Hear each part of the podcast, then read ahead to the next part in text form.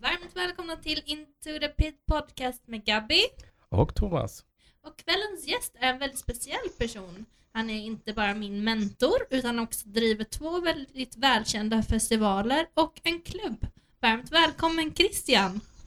Tack så jättemycket. Tack för att jag får vara med. Tack för att du ställer upp. Mm.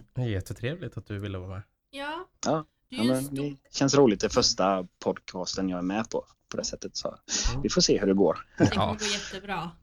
Ja. Då börjar vi. Jag vill gärna veta, hur kom du i kontakt med livescenen från början? Eh, ja, från början kan man väl säga att det går många år tillbaka. Gör det. Eh, det började med att min gode vän Rasmus Räckeveg som jobbade på Sweden Rock eh, och hade hand mycket om deras kryssningar. Eh, han körde eget sen, metalbåten.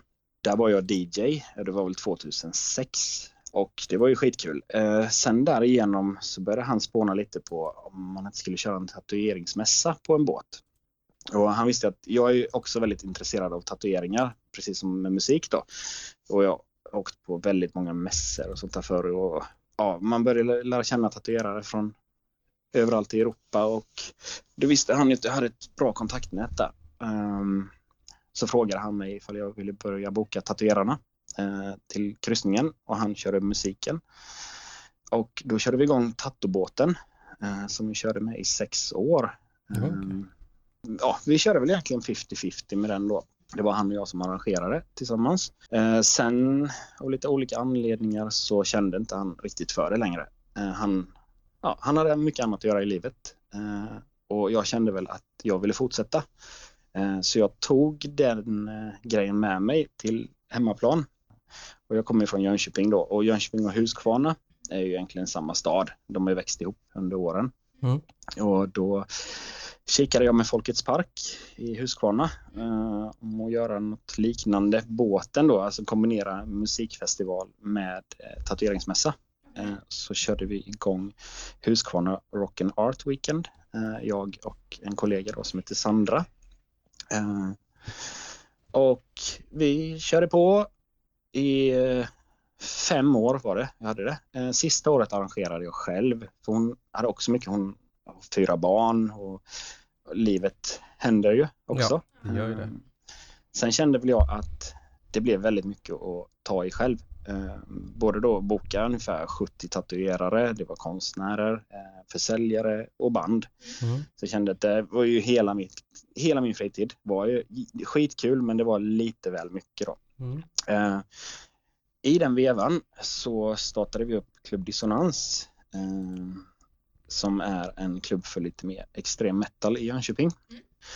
Det var på initiativet av eh, min nuvarande kollega Björgvin eh, Fridsteinsson. Eh, vi blev satta i kontakt via en gemensam vän eh, för att han ville boka band till Jönköping och hon eh, berättade om mig och vi träffades och snackade ihop oss då. För han, har, han har aldrig arrangerat något innan. Okej. Eh, Men det var hans dröm att göra ett gig. Eh, Och då så satte hon ihop oss och vi började spåna på det. Och tog in en kompis till mig som heter Timmy. Eh, Så vi tre startade upp Klubb Dissonans tillsammans. Eh, Har vi kört med ett par gånger då, eller hade vi kört ett par gånger med. När jag frågade honom då, eh, Björgvin, ifall han ville bli en kollega till mig på festivalen. Eh, Men då ville jag köra något lite nytt så jag inte tog in honom i Rock and Art som hade varit ett par år utan jag ville att han skulle börja om på vitt papper med mig då. Eh, Jag frågade även Timmy men han hade inte tiden på det. Och då spånade vi lite jag och Björgvin och körde igång Metalfest. Mm. Och det, första gången körde vi Huskvarna. Eh, och vi bokade ju Watain den kvällen. Uh, ihop med Necrophobic, Vampire, Avslut, Dreadful Fate. Och det blev ju skitbra. Det var ju så jäkla kul. Uh, det var den största produktionen vi hade kört med Watain scenshow. Uh, och det var knappt, kommer det funka i parken med all eld och sånt där. Det var väldigt mycket. Det var på millimeter på vissa grejer då. Men det var jävligt spännande hur de arbetar och vilket jäkla team de har bakom sig när det gäller den scenshowen. Det är så professionellt. Det, det, vi fick ritningar på varenda skruv på allting som användes då. och eh, det var i alla fall början med metalfest då, kan man ju säga. Ja. Eller till metalfest, tills nu. Yes. Vanhelg då och Vampire var det också. Ja, Vampire, ja, inte att förglömma. Det Mm. var skitbra. På den vägen är det. Och eh, då har vi fortsatt då med, vi körde Udo efter Batain för vi, tanken är att köra blanda heavy metal då ihop med lite mer extrem Mm. metal. För, ja, särskilt jag lyssnar ju väldigt mycket på heavy metal. Eh, Björgvin är väl mer den som är inne på absolut hårdare grejer än mig. Eh, jag, jag, jag, kan, jag lyssnar mycket på black och döds och trash eh, särskilt då. Men sen är jag lite bredare åt det mjuka hållet också. Men vi kompletterar varandra väldigt bra med, med musiksmaken och sånt där. Mm. Det gör vi. Men sen körde vi Husqvarna eh, med Udo som headliner. Eh, det var också en väldigt kul kväll. Eh, men där kände vi väl att parken är, när man körde på den nivån med Watain, då kan man vara inne i den lokalen där vi tar in 1400.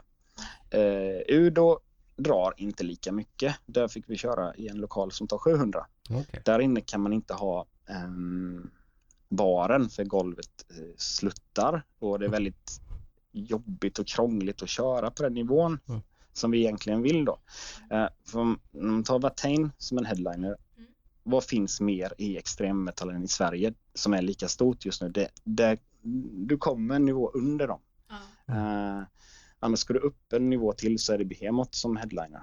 Eh, om man ska på det hållet då. Ehm, så för att fylla någon lokal med ungefär mellan 500 och 700, Mm. det, det vi ville ha, då kikade vi på Norra Hammar. Mm. För att tanken är, jag vill ju jättegärna ha baren, käket, försäljarna och allting i samma lokal. Mm. Eh, för jag tycker det blir lite svårarbetat annars. Eh, just när det är festival. Mm. Mm, Husqvarna funkar väldigt bra som en konsertkväll. Eh, du går dit, kollar två, tre band och sen går du hem. Men ska det vara från klockan fem på eftermiddagen till klockan ett på natten, då vill du inte vandra mellan baren och käket och försäljarna och sen ner och kolla band. Det, det blir en sträcka som jag vill ha bort då. Ja. Så nu kör vi Norra Hammar, eh, vilket funkar väldigt bra. Eh, Det är en skitkul lokal, eh, väldigt lättarbetad är den, tycker jag. Sen, ja det finns både nackdelar och fördelar med hur vi gör nu, tycker jag.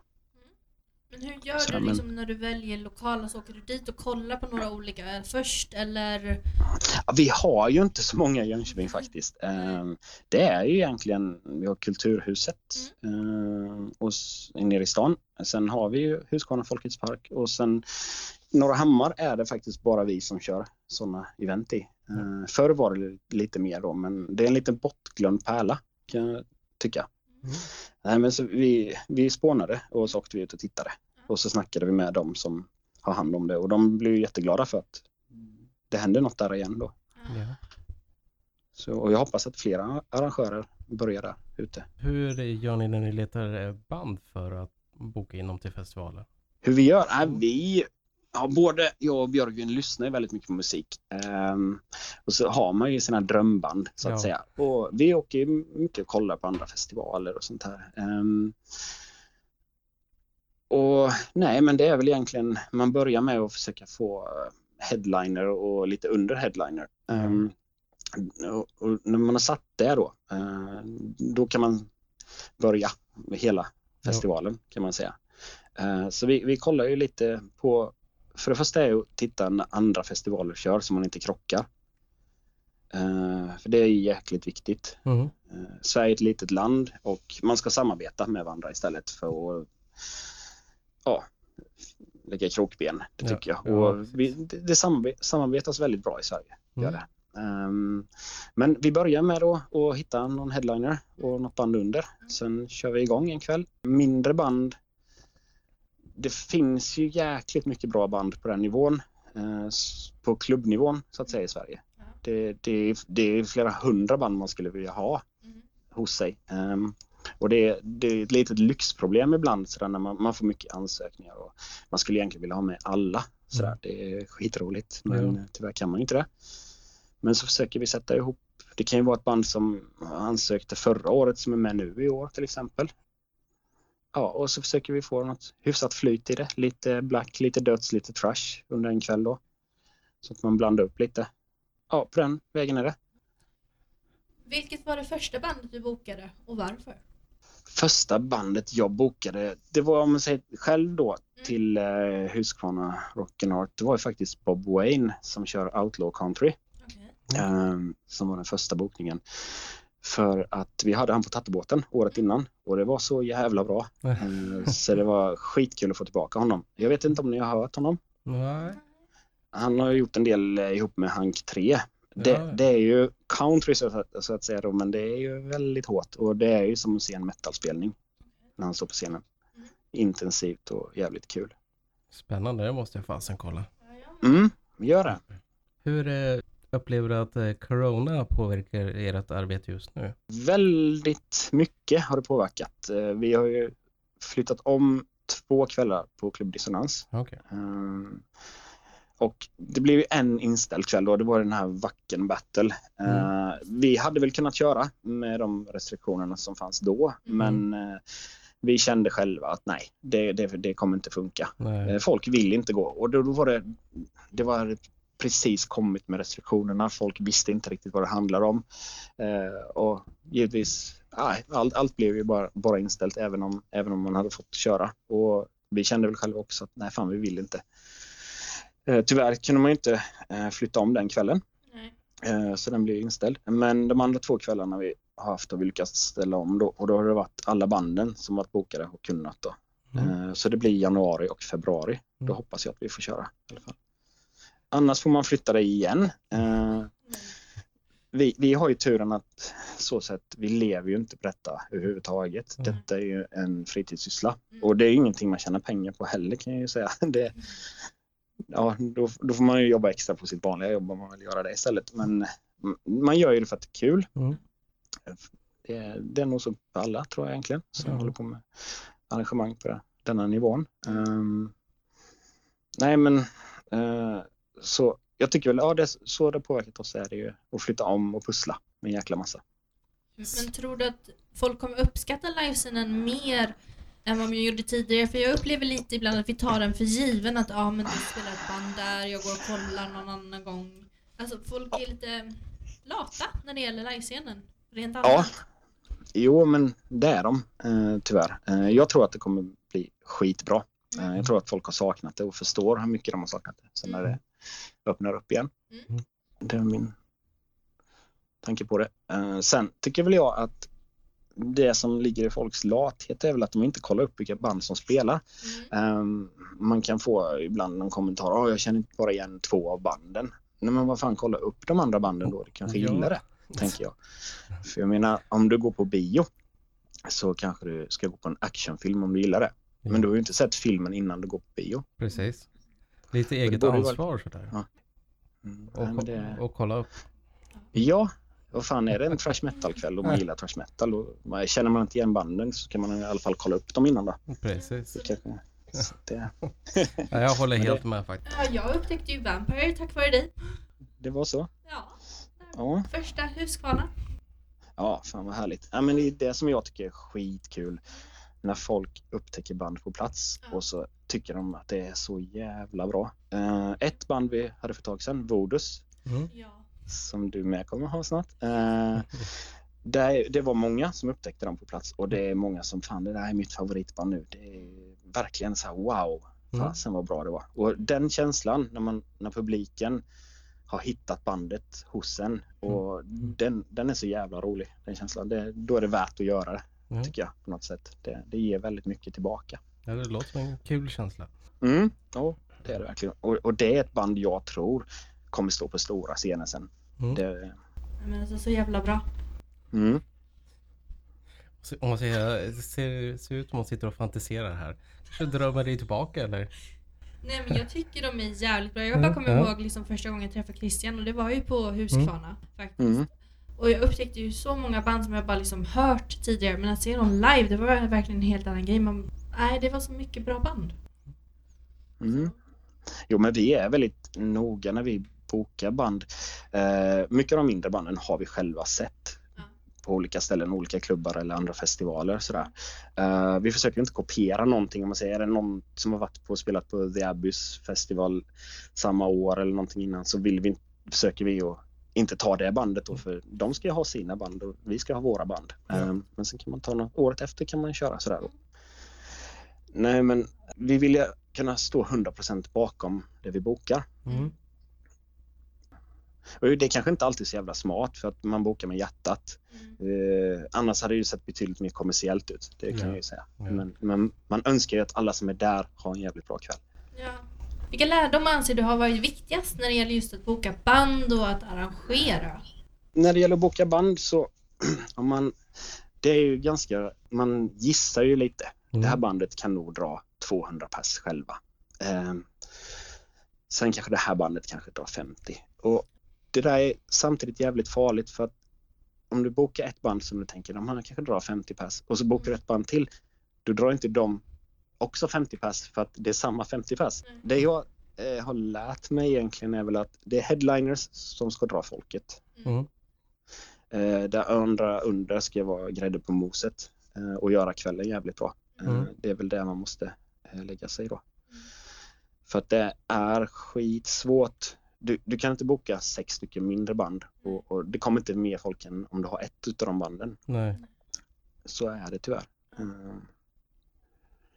Men, men samtidigt har du ju där, då måste du ändå ha någonting du själv gillar. Det känner jag. Annars kan man lika väl skita i det. Mm, det så är det. Men man är inte alltid garanterad att, he- att headlinen drar folk. Nej, nej. Och det där är jättesvårt också. Det, det kan vara vissa band som funkar skitbra i Jönköping som inte alls går ner i Skåne. Som, och tvärtom. Mm. Sen kan det vara något band som inte funkar här som funkar skitbra i Stockholm. Det, man vet inte Nej. innan man släpper biljetterna. Det är skitintressant och det, när man har bokat band som är på turné eh, då får man ju ofta siffrorna från de andra städerna och det är skitroligt att se. Eller ja, det är inte alltid, inte alltid roligt men Mm. det är intressant är det, Mm. hur, hur det kan skilja. Det kan nästan bli en gamble sådär. Ja, lite hållet Mm. kan det vara. Mm. Mm. Vilken motgång har lett till mest framgång för Metalfest? Ja, vad ska man säga? Eh, nej, vi, vi har haft ganska mycket tur. Eh, så vi har inte haft några större motgångar egentligen. Förutom var ganska tufft nu eh, senast i mars eh, när vi körde. Eh, vi tyckte vi hade en sjukt bra lineup. Banden tyckte vi hade en sjukt bra lineup. Mm. När vi sålde Early Bird, det var rek- rekordbra för oss. Eh, sen sista veckan stod det stilla. Då kom ju coronan. I januari så fick ju Jönköping det första bekräftade fallet i Sverige Ja, eh, i slutet av januari. Och det blev väldigt mycket snack om det där. Eh, vi märkte väl lite på det, eh, tendenser då. att fan, det går inte riktigt lika bra med biljettförsäljningen som det brukar. Vi tänkte att det här kommer ju Mm. bli jättebra.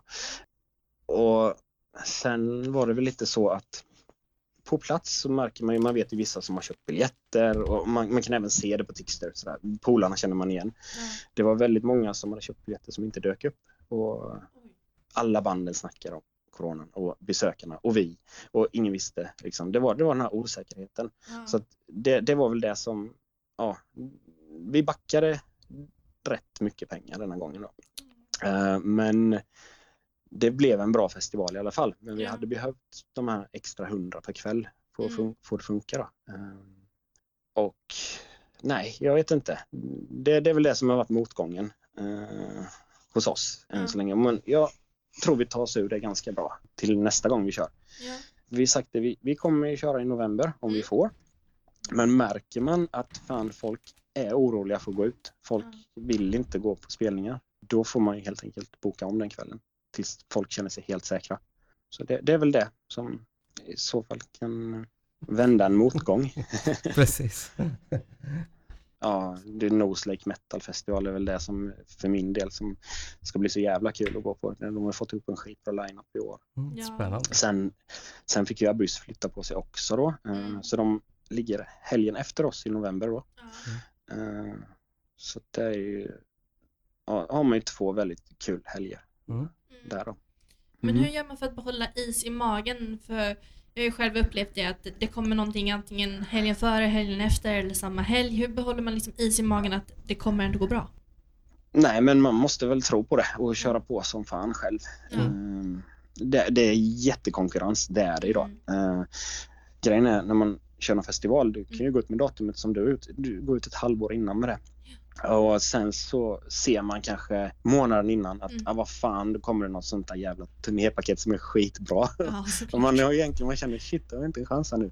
Nej. Eh, men man måste bara kämpa på. Det, man kan inte vika sig utan det får bli som det blir då, känner Mm. väl jag. Och där har du väl problemet när man kör första gången. Mm. Eh, du har ingen budget kanske. Du, du har ingen buffert. Mm. Eh, vi har gjort så att allt som har blivit plus Mm. har vi sparat undan för Mm. att kunna ta en, smäll. Mm. Och det var det vi gjorde nu i mars. Vi fick ta en ekonomisk smäll men det, vi, vi klarar oss för att vi hade sparat undan det. Mm. Mm. Men kör man första gången, Mm. sen kommer banden och ska ha betalt två månader innan och det ska hyras på grejer och du, du ligger plötsligt jättemycket minus och ser att fan förköpen matchar inte alls det här. Eh, och det blir en... Folk får ställa in helt enkelt. Och det har ju hänt jättemycket det sista. Sista fem åren så är det så många festivaler som fått ställa in då, mycket Mm. mindre. Jävligt kul festivaler. Mm. Och det är väl där boven ligger då, liksom att folk väntar in i det sista. Ah, det kommer ändå finnas biljetter kvar. Jag köper dagarna innan. Och, nej, fan det, är- det är svårt där. Mm.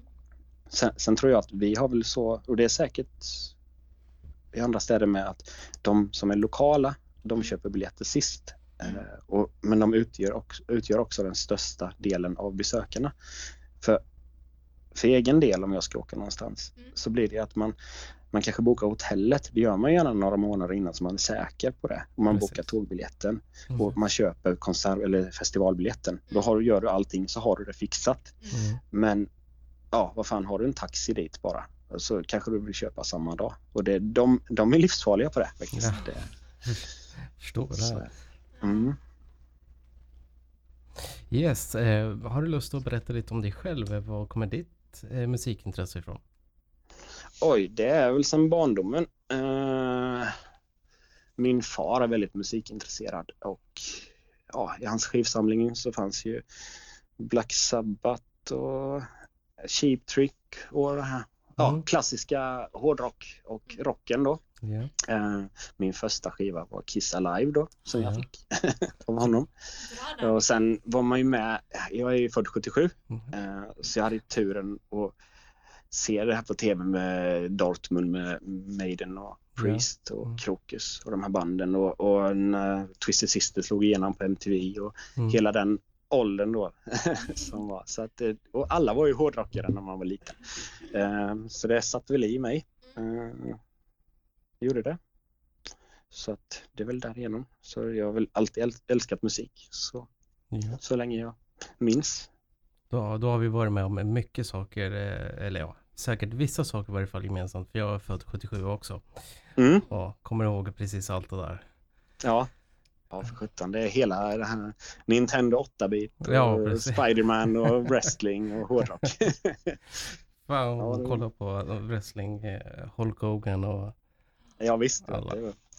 Så det, man är en riktig nörd på många sätt så faktiskt. Ja, så är det så. Ja, ni fick allt roligt. Jag som är född 89 fick typ bara MTV. ja, men det var det var dokusåpor på den tiden. ja, det var då det började komma mycket sådär. Ja. Ja, Nej. nej, det var en bra musikkanal Nej. förr i tiden. Det var Headbangers Ball och allting. Men det, det fick du se Gabby va? Ja, Ja. det fick jag se. Mm. Och sen var Mm. det ju Into the Pit, hette det ett program ett Ja, i- tag också. Ja. Jajamän. Då var det väl eh, Ma- Marilyn Mansons fru. Var det väl som hostade ett tag. Mm, det var det, stämmer nog. Vilken av dem? Ja, den han hade just då. när, när Headbangers Ball ställde in all hårdrock och försvann. Nej, jag, kommer, jag kommer själv ihåg det, men jag var ju så jävla besviken där på Headbangers Ball när, det började, när grungen började komma. Ja, precis. Om man ville se sina Dio-videos och allt det här klassiska och så Mm. började Nirvana och sånt där dyka upp och Mm. vad fan Alice in Chains och där. Jag kommer ihåg, usch vad tråkigt det var. Ja, men då, då droppade man MTV. Ja, lite. Har du själv spelat i ett band? Ja, jajamän. Uh, spelade i två band. Ehm, I slutet av 90-talet eh, så började jag spela ihop med en trummis som eh, hade ett band som het- hette Xymontra. Teknisk dödsmetall. Ehm, Och sen hade han släppt en platta med sitt projekt Macrocosmic Emotions eh, där de hade en inhyrd gitarrist och det var trummisen och basisten då, som skötte det mesta i bandet. Eh, och vi var ju polare. Eh, sådär. Och så, jag satt ju hemma och lirade mycket men eh, så behövde de en gitarrist och så hoppade jag in i det bandet och vi släppte en mini-CD. Mm. Eh, 98 kom den. Sen spelade vi in en fullängdare till som faktiskt inte är släppt. Det är ingen sång på den. Ja, okej. Så den, den är liggande. Eh, det är väldigt mycket, ja, man blandar Iced Earth och Meshuggah kan man säga. Det var de stora influenserna i det. Mm. Eh, Spännande det- kombo. Ja, verkligen. Det, det är väldigt flippad musik. Ja. Science fiction, eh, dödstrash kan man väl säga. Sen spelade jag i ett heavy metal band som vi kallar det för Cartagrian. Och det var lite polare. Vi, ja, småspelningar på Mm. någon MC-klubb här och där. Och lite, vi spelade också in en demo. Eh, det föll väl ut sen lite. Det var, det var mer bara på kul. Så. Mm. Men, men eh, ja, nej, sen blev det väl att jag fick ett annat jobb och jobbade i jäkligt knepiga tider och slutade med musiken ett tag där. Okej. Eh, Det plinkar väl lite hemma sådär men inget aktivt nu. Okej, men är det någonting du skulle kunna tänka dig att ta upp igen? Ja, absolut. Det, kanske inte spela i band men Mm. gärna göra, ha något projekt sådär. Mm. eh, Och köra igång. Eh, Nu har jag en son som snart är två Mm. så att han tar ju all min tid eh, och det är ju helt underbart. Mm. Förutom då när han sover då får man ju sitta med Mm. festival och klubbgig. Eh, Kanske inte går så Så bra, att just tiden finns inte riktigt nu. Så, köra. så bra att spela något instrument när han ligger och sover. Nej precis, det är ju det. Mm. Nej, men sen ska man ha tid till allt annat med. Ja, det är ju så. Så då har vi nästa lilla metalhead där då. Ja, precis. Det är väldigt mycket barnmusik hemma just nu men man får smyga in lite snäll hårdrock ibland. Så, nej, det gillar han. Det ska börjas i tid. Ja, det, precis. det är som, precis som här hemma, då har jag ju studion i andra ändan av huset. Så eh, alla barnen har ju sitt rum på eh, övervåningen. Mm. Så när man känner att man behöver själv, då går jag in här och så låser jag dörren och låt mig vara ungefär. Ja, men det är klockrent att ha sånt. Ja, Man behöver det där egna utrymmet. precis. Lite egen tid. har- Ja, en liten mancave. Ja, det är lite mancave. Det är actionfigurer. Ja, det är massa masker ifrån filmer. Ja, Det är lite- Samlare. ja det är lite allt möjligt här. Faktiskt. Mm.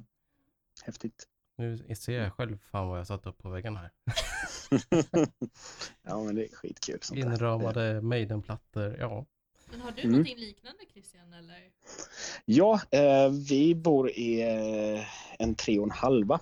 okej. Eh, så det är den här halvan jag tar då till mitt, mitt rum. Så här, jag har eh, lite tv-spel och alla Mm. mina skivor och sådär. Mm. Eh, ja, och lite tavlor och sånt Mm. som är musikrelaterade. Mm. Så det har jag mitt kryp in också. Härligt. Men är du en sån som föredrar vinyl framför CD-skivor eller tvärtom? Mm, 50-50 på det här faktiskt. Eh, Okej. jag köper fortfarande CD-skivor och Mm. lyssnar väl kanske lite mer på CD. Mm. Eh, jag tycker det är klockrent format. Mm. Eh, sen är det ju jävligt roligt med vinyl. Mm. Där med omslagen. Det är, det är ju därför jag köper det Mm. ofta. Det, ja, och, ja, det jag har på vinyl har jag också på CD Okej. faktiskt. Men ljudet är bättre på vinyl, tycker jag. Ja. Tycker du det? Ja. Käns, kä, känslan är bättre på vinyl. Ja. Men ljudet är bättre på CD. Mm. Sen, sen är väl, tycker jag väl, eh, jag gillar ju att lyssna på fysiska format för att man lyssnar på hela plattan. Ja. Ja, men det är som, jag får ju mycket, extremt mycket digitalt Mm. skickat till mig. Och så när man verkligen har hittat att fan det här måste jag spela så försöker man komma över en skiva från band. Men vissa vill inte ens släppa fysiska skivor eller kanske inte har råd. Nej. Så då försöker man promota det en hel del så att det finns en möjlighet bara för att man ska få tag i en egen skiva att kunna lyssna genom hela utan att snabbspola som man gör när man lyssnar igenom det liksom Mm. digitalt. Mm. Ja, men sen, jag, jag tycker väl det här digitala formatet kan vara jättebra. Jag lyssnar väldigt mycket på Spotify på Mm. jobbet. Mm. Eh, jag jobbar på tryckeri eh, och då har man ju hörselkåpor och då lyssnar jag på musik Mm. i stort sett hela mitt arbetspass. Mm. Eh, och jag älskar att upptäcka nya grejer. Det är Mm. det som är det absolut roligaste då. Mm. Men då blir det att det här jag verkligen fastnar för, det Mm. köper jag ju sen. Så jag tror att ja, hårdrocken har ju oss nördar i det också, som Ja. kanske inte andra genrer har. Eh, de, de flesta hårdrockare har en bra skivsamling hemma. Ja. Eh, och, och därigenom det, det digitala formatet så tror jag att man upptäcker och att band till slut tjänar på, eh, på det den vägen att folk köper produkter. ja, Eller att precis. man köper sådär. Mm. Ja, och med att man får en hel del sådär och så Mm. eh, efter ett, två, tre låtar så bara nej jag måste ha en eh, fysisk skiva. Mm, Så man mm. ser ut och letar. Ja, det har ju även hänt när man sitter och lyssnar på Spotify. Mm. Kan jag relatera till att man sitter där och de här, man får mix, olika mixlistor sådär. Mm. Man springer igenom dem och så går man in på bandet och lyssnar på andra och så hamnar man på Bengens eller Ginza eller något. Och, Mm. Ja men så är det. Det var som här i veckan så upptäckte jag ett band som heter Butcher från Antwerpen. Eh, ja, lite black speed metal kan man säga. Eh, det var ju fan det bästa jag hört på väldigt länge. Mm. Och det var ju så bara direkt ut och leta. "Ah, Var kan jag köpa skivan någonstans? Den måste jag ha. Och en tröja. Yes. Ursäkta? Vad sa du? nej, så, eller hur? Man måste Ja, ha ja. liksom, man måste ha tishan. Det är ett Ja, ja. statement. Oh, ja. Ja, det är det. Ja. Ska jag köpa? det. Okej. Men hur får du tiden att räcka till? För du har två festivaler och sen har du Klubb Dissonans. Vi har två, ja, två om året. Ja. Ja. Mm. Och sen har du ju Klubb Dissonans. Alltså det är ju jättemycket jobb. Alltså jag vet ju själv hur mycket jobb som ligger bakom en festival. Det, Mm. Jag hade inte orkat. Nej, jag har ju en kollega med då, Björgvin eh, Fridstensson. Eh, han gör ju 50% utav allting. Ja. Eh, och vi jobbar väldigt tätt. Vi snackar ju telefon väldigt ofta. Mm. Och både han och jag är control freak. Eh, så att vi har full insyn i alla delar. Mm. Och, och det är så jävla lätt att ha det. Att skulle jag känna att men jag hinner inte detta idag så kan jag bara lämna det, lämna det till honom och han gör det precis så jag vill det.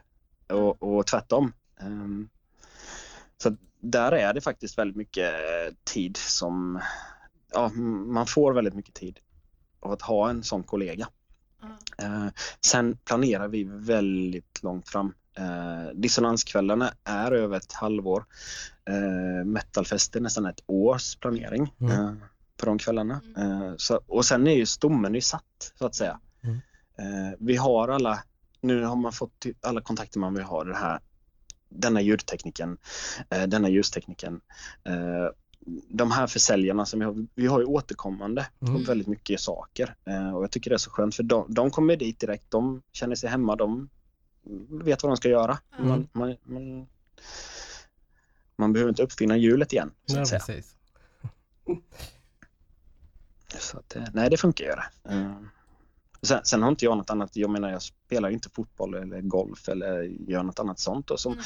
Eller går på något gym. Och det lägger ju folk väldigt många timmar på. Ja. Ja. Eh, Och jag lägger min fritid på detta. Så jag tror, jag tror att det är ganska normal eh, procent av en fritid egentligen.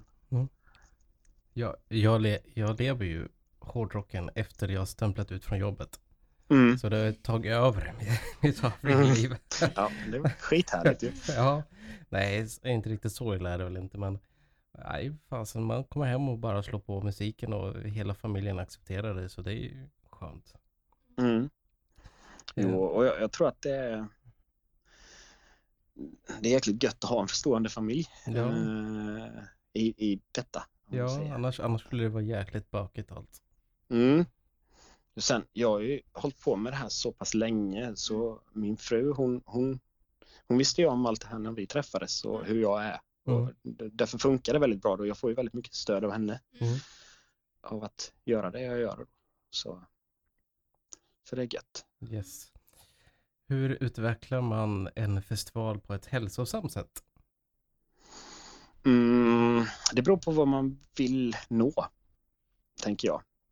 Eh, om man vill växa och bli en stor festival eh, så tror jag att det är skynda långsamt som gäller. Eh, för våran del önskar vi väl att vi kan ligga på den här underground-nivån eh, med kanske inte de kändaste banden. Eh, det vi kan utveckla och göra bättre, vad jag känner själv, det är väl det här kringgrejerna. Eh, vi vill kunna få in lite mer ekonomi till att ha lite coola prylar. Mm. T-shirt och t-kassar och allt sånt där. Men det är jävligt, jag tycker det där steget är ganska stort att ta när man är på en liten nivå. Eh, sen är det varje gång man läser i det här, men vad fan, cateringen kunde varit lite vassare kanske. Och, Mm. Så man sneglar lite på andra, hur har de gjort då? Mm. Det finns ju, om man tar då som Muskelrock eller Diabys festival, där är ju allting så skitbra när det Mm. gäller den biten. Ja. Ehm, jag vet ju att Muskelrock, det, det folk, de, de är ju, de har hållit på många år, men de, de fixar ju allting själva. Och de Jaha. är skitduktiga på det de Mm. gör. Mm. Ehm, vi har ju själva ingen erfarenhet i just den biten. Eh, de, de driver ju en hel folkpark så att Mm. säga. Eh, så alla, alla delar finns ju. Men där, vi testar ju oss fram lite med olika cateringfirmor som vi Mm. Hyr in så att säga. Ja. Eh, och vi försöker ju ha våran input i det med då. Men jag känner väl att där ska vi bli bättre. Ja. Eh, jag vill att det ska också vara en upplevelse när man går på festival Mm. och just äta bra. Ja. Det måste vara, är det svårt tycker du att eh, tillmötesgå allas behov eh, kostmässigt också? Mm, nej, eh, vi har alltid kört på det att det ska vara hälften veganskt Mm. och hälften då för köttätare. Då har jag ju verkligen täckt upp allting. Ja. Och sen ska det även finnas eh, glutenfritt Mm. och laktosfritt så Mm. att alla kan gå dit och äta. Mm. Det är väl det som det är viktigt. Men tror du att eh, små festivaler har en bättre chans att finnas kvar än om man ser tillbaka de här stora festivalerna som fanns förr. Det är ju så många som inte finns kvar idag och sen så finns det de som man besöker som man bara känner att det har blivit för stort. Mm.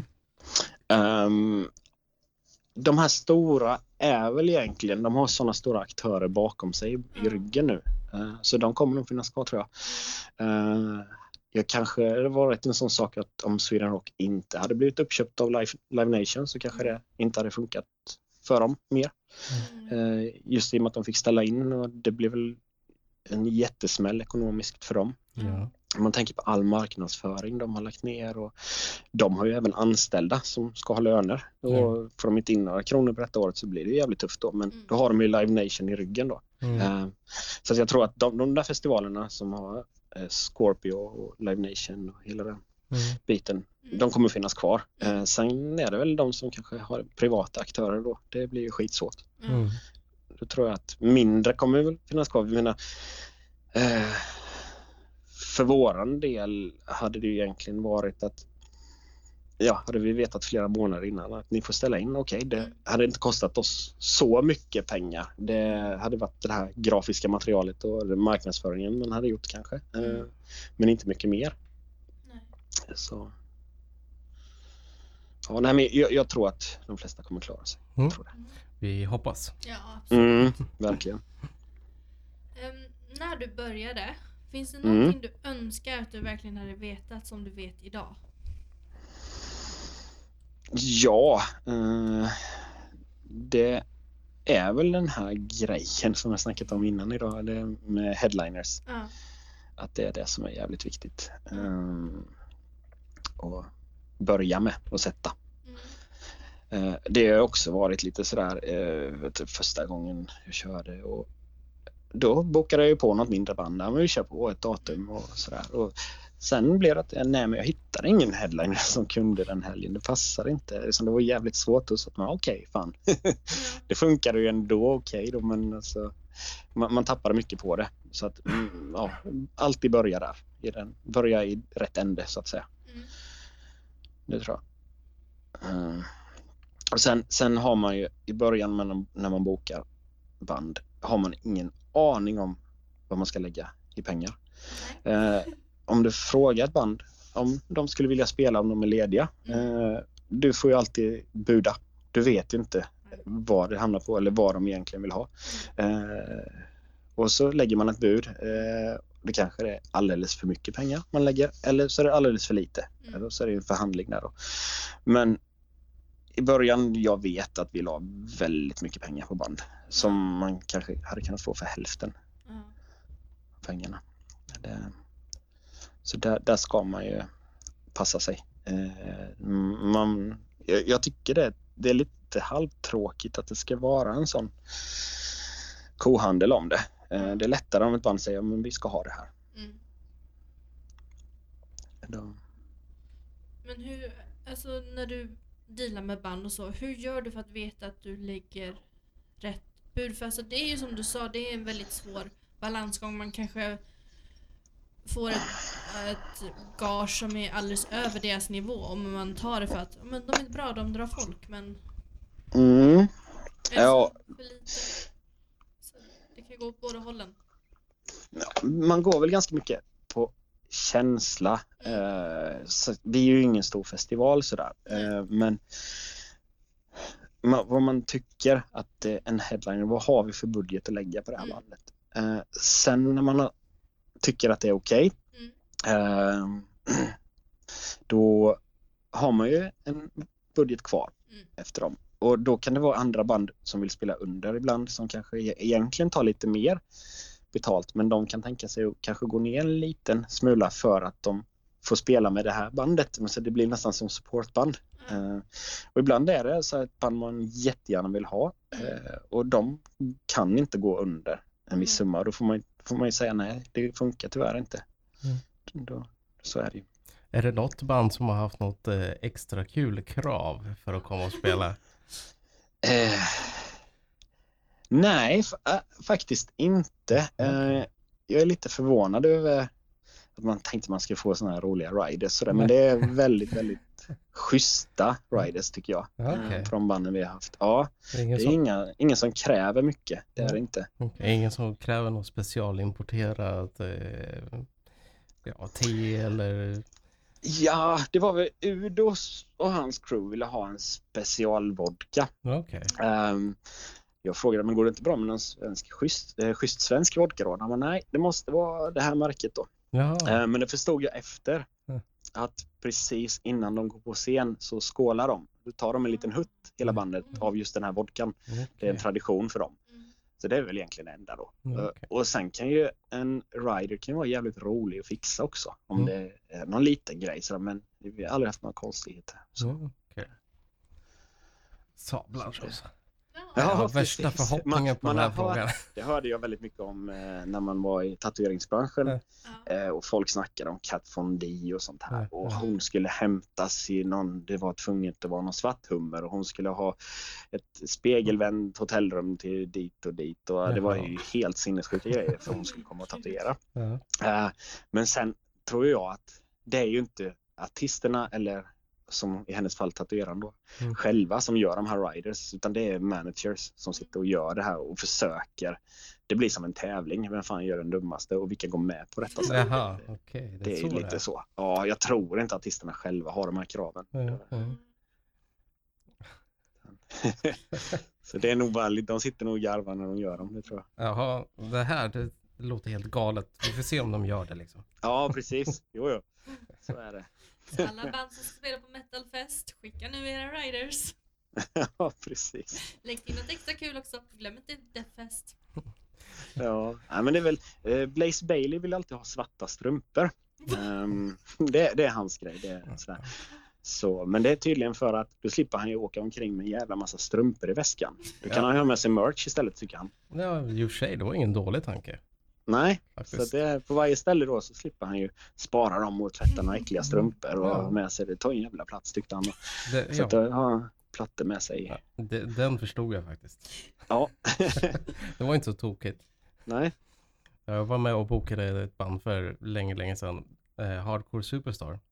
Mm, de har vi haft också. Ja, någon gång på Då. 90-talet var det Mm. ett gig. Och då ville de ha låda lego. Jaha, ja, det är schysst. Jo, jo, tänkte vi. Men då satt de där strax innan de skulle gå på och byta lego. Ja, Så det, det är intressant. Ja, ja. Nej, när vi hade dem, eh, de eh, kom ju in hyfsat sent den kvällen och skulle köra. Eh, Vi hade ju rätt så mycket produktion med just Mm. Blaze Bailey. Det var ju inspelning och sånt där av, av gigget och allting. Mm. Och han hade väl tio man på scen och efteråt skulle Hardcore Superstar spela. Och ja, de kom in där och då har de med sig sin bar. Det hade inte vi fått på papper innan. Jaha. Eh, Så det var ju bara, fan det här får inte vi in genom våra dörrar. Men det var ju att häkta av allting där lite snabbt och det, var, det, det löste sig till slut och det blev skitbra. Men eh, ja, det var väl det var den grejen med dem i alla fall. Fan vad kul. Mm. Men det är också, jag tycker det är jävligt kul när det händer saker på plats. Mm. Eh, när man får lösa saker. Ja, när det finns en spontant. tidspress. Det, det, all- alla lägger ju verkligen manket till och vi har ju ett skitbra crew på plats som Mm. de har alltid löst saker som har hänt. Eh, och det, det är tjusningen av det också. Live. Men är det samma crew varje år eller byter ni ut dem ibland? Nej, vi har i stort sett samma. Mm. Eh, så det är ju volontärer som eh, det är ju ingen som jobbar med det professionellt och förutom då ljud-och-ljustekniken. Mm. Eh, men eh, de är så jävla duktiga. De, de har ju också lärt sig under åren. Ja. Det är bra folk som tar initiativ så att eh, det är väldigt avkopplande att ha det gänget. Mm. Eh, man vet också att de, de löser de bitarna som behövs och sen får man, ja som sagt så har jag kontrollbehov så man, man vill ju ändå ha, kika av allting. så är det. Det är ju så. Mm. Men när fe- själva festivalen är, vilken roll har du då? För ni har ju väldigt mycket folk som jobbar åt er. Vad gör Mm. du?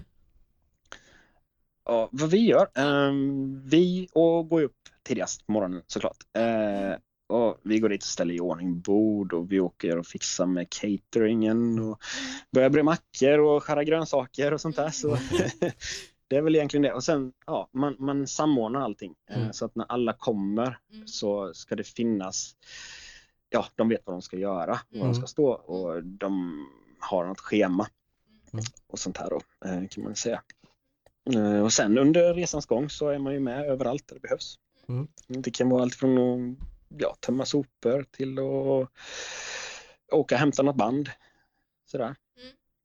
Så ni gör lite allt möjligt. Får du någon Mm. gång möjligheten att kolla in ett band som du verkligen vill se? Mm. Vi brukar, ibland då jag och Björgen brukar säga det, fan det här bandet vill jag gärna se. Så ja men går du och se en, hela spelningen nu så Ja. tar jag något annat band. Så man, ja, man får lite Tur, turas om. Ja precis och Mm. sen brukar vi faktiskt försöka se i alla fall minst tre låtar med varje band om det går. Ja, ja. Så att, eh, men, eh, och sen, sen är det ju ofta det att ju senare kvällen blir, ju, ju mer sitter allting, så man minglar mer runt. Mm. Så är det ju. Och då, då har man ju den lyxen att kunna titta och njuta också. Om du får gissa en siffra, hur många gånger tror du du helst säger ordet hej till någon un- under, under ett event? Oj shit, det är många gånger. Är hela tiden. Men det är, det är så kul. Är det. ja. Det är skitroligt. Och varken jag eller min kollega är ju... Vi promotar ju inte oss själva som personer utan jag vill verkligen promota Metalfest. Ja. Eh, jag vill inte vara någon profil någonstans. Mm. Eh, och, men, men ändå så... Ja, jag älskar ju att snacka med besökarna. Det är Ja. skitkul. Ja. Eh, man vill ju ha den här dialogen och vi får konstru- konstruktiv kritik och Mm. ja, även snacka, liksom, den feedbacken är ju Mm. enormt bra. Ja. Ris, ris och ros. Ja, oh ja. Det är Mm. viktigt båda två. Ja, Men det ja. kanske är lättare att få det om man inte är liksom att de vet att det är ansiktet utåt man pratar med. Man kanske är lite mer försiktig då. Utan det kanske är lättare Mm. att prata med dig om de inte vet riktigt vem du är. Trots att alla Mm. egentligen vet det. Ja, precis. Jo, men så kan det vara. Ja. Så kan det vara. Så att det, nej, men det, det är viktigt. Är det, för det är ändå våra besökare som är... Det är de som gör att vi kan fortsätta och ha detta. ja, precis. De är en stor Mm. del av det. Men Mm. ni har ju alltså en riktigt bra head headliner nu till Metalfest i november, Rotting Christ. Mm. Och Det är ju har ju ett fantastiskt band. Det, Och sen mina favoriter såklart. ja, härligt. ja, men jag är ju superglad för den bokningen. Ja, Ehm, det, är, det är ju Olof på Skrikhult som har fixat det. bästa Olof. Ja, han är Mm. klockren. Ehm, så att, eh, nej, jag började fråga honom och började spåna lite Mm. om detta då. Mm. Ehm, och då satte han ju ihop en schysst turné med tre datum i Sverige. Mm. Ehm, vi hade ju inte, det hade inte, vi har inte budget att boka ett sånt band exklusivt utan då är det så att de åker för tre datum. Mm. De ville inte spela några stora städer. Okej. så det blir Uppsala, Jönköping och Helsingborg. Mm. Så det är jävligt roligt. Och vad jag läste i en intervju eh, så föredrar de, de mindre gig eh, fortfarande. Vilket är, var jävligt kul att läsa. Ja. För att se ett sånt band på en mindre scen är ju skitcoolt. Verkligen. Det är ju något Mm. av det bästa. Mm. Ja, Varför tror du det att det är så? För man tänker ju ofta så här, ja men stora band, de vill spela på stora scener. Sen så kommer den här överraskningen, nej men vi, vi, vi gillar de små scenerna. Ja, men jag tror det var... Vi hade Gruesome på Mm. Club Dissonans. Mm. Eh, dagen innan spelade de på backen. Mm. Alltså kontrasten då liksom att ha 15-20 meter till, till publiken mot att liksom stå mitt i den eh, är så jävla stor. Du har ju, det kan vara skithäftigt att stå och spela för ett stort publikhav men de är ju där borta. Mm. Ja, precis. Eh, energin försvinner ju. Mm. Ja. Det är härligare att sniffa in publiken. Mm. Jo men det var ju när Megadeth spelade på KB Mm. eh, häromåret. Eh, jag var och tittade på det Mm. och det var ju så jävla bra att Mm. se ett sånt band på den scenen. Mm. Då fattar man ju hur bra de är. Ja. ja. De ska spela på lite mindre ställen. Sådär. Mm. tycker Ja, jag. Jag har, sett, bara- jag har ja. sett dem några gånger. Det är allt ifrån det stora till mindre scener. Och det känns mycket bättre när de spelar på mindre. Mm. Mm. Jag såg dem Ja, på det- backen, det var inte alls samma grej. Det var... Nej. Nej, jag föredrar dem lite mindre. Mm. Kommer nära. Mm. Mm. Ja, jag med. Helt Mm. klart. Det är därför man ska stå längst fram. Då känner man musiken. Oh ja. Sniffa in artisterna.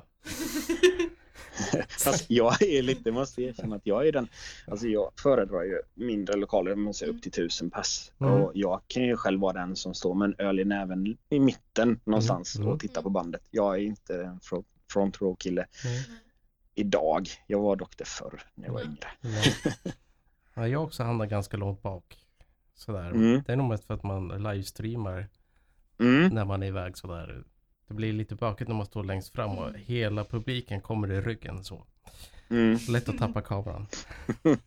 ja, men sen är det jävligt häftigt att insupa atmosfären när man ser Mm. hela bandet och publiken. Ja, visst är det så. Synkade. Det är jävligt cool känsla med att Mm. stå och titta på bara det. Mm.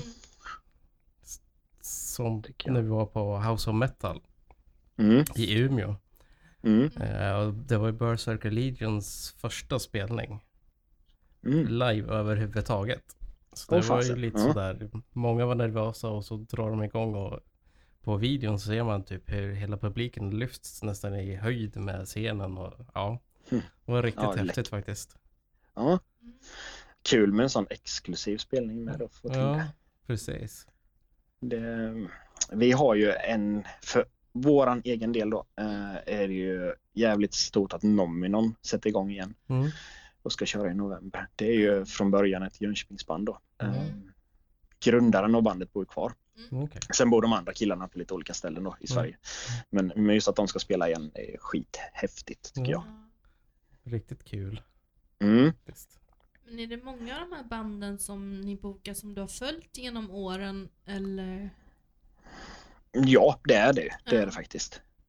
Så egentligen som i min hjärna Mm. så ligger ju, så har man ju fem metalfest framför sig kan man ju säga. som är band som man vill ha. så är det ju. Ja. Sen- men eh, sen dyker det givetvis upp band och en grej som är jäkligt svår, det är man, vi får väldigt mycket ansökningar. Mm. Eh, man hinner inte svara alla. Nej. Men man går ju ändå igenom och lyssnar på allting eh, sen. Mm. Och det kan vara efter festivalen, kanske man inte hunnit att kolla in det här. Så det är ju väldigt viktigt för band att veta att det de skickar in, man lyssnar på det. Och Ja. man kanske inte hör av sig på ett år, men Nej. det kommer. Precis. Sen. Det gör det. Och det är väldigt många band man upptäckt på den vägen också. Om du fick sätta ihop din absoluta drömlineup, alltså du får en budget som inte begränsar dig alls. Vilken skulle du sätta ihop då? Oj, det är ju det är så jävla mycket. Så. Eh, nej, men eh, för det första om man fick återförena en sättning så är det ju Desert Glory-sättningen med Running Wild. Det är ju mitt absoluta favoritband. Är det. Riktigt Och bra. Ja, och se dem. Jag hade turen att se dem som ett band faktiskt 98. 98 i Hamburg. Det var innan, jag, nu är det mer ett soloprojekt och det är trummaskin och det, ja, det är väl inte som det var. Nej. Men det var ju en jävla vilken upplevelse det var att se dem då. Mm.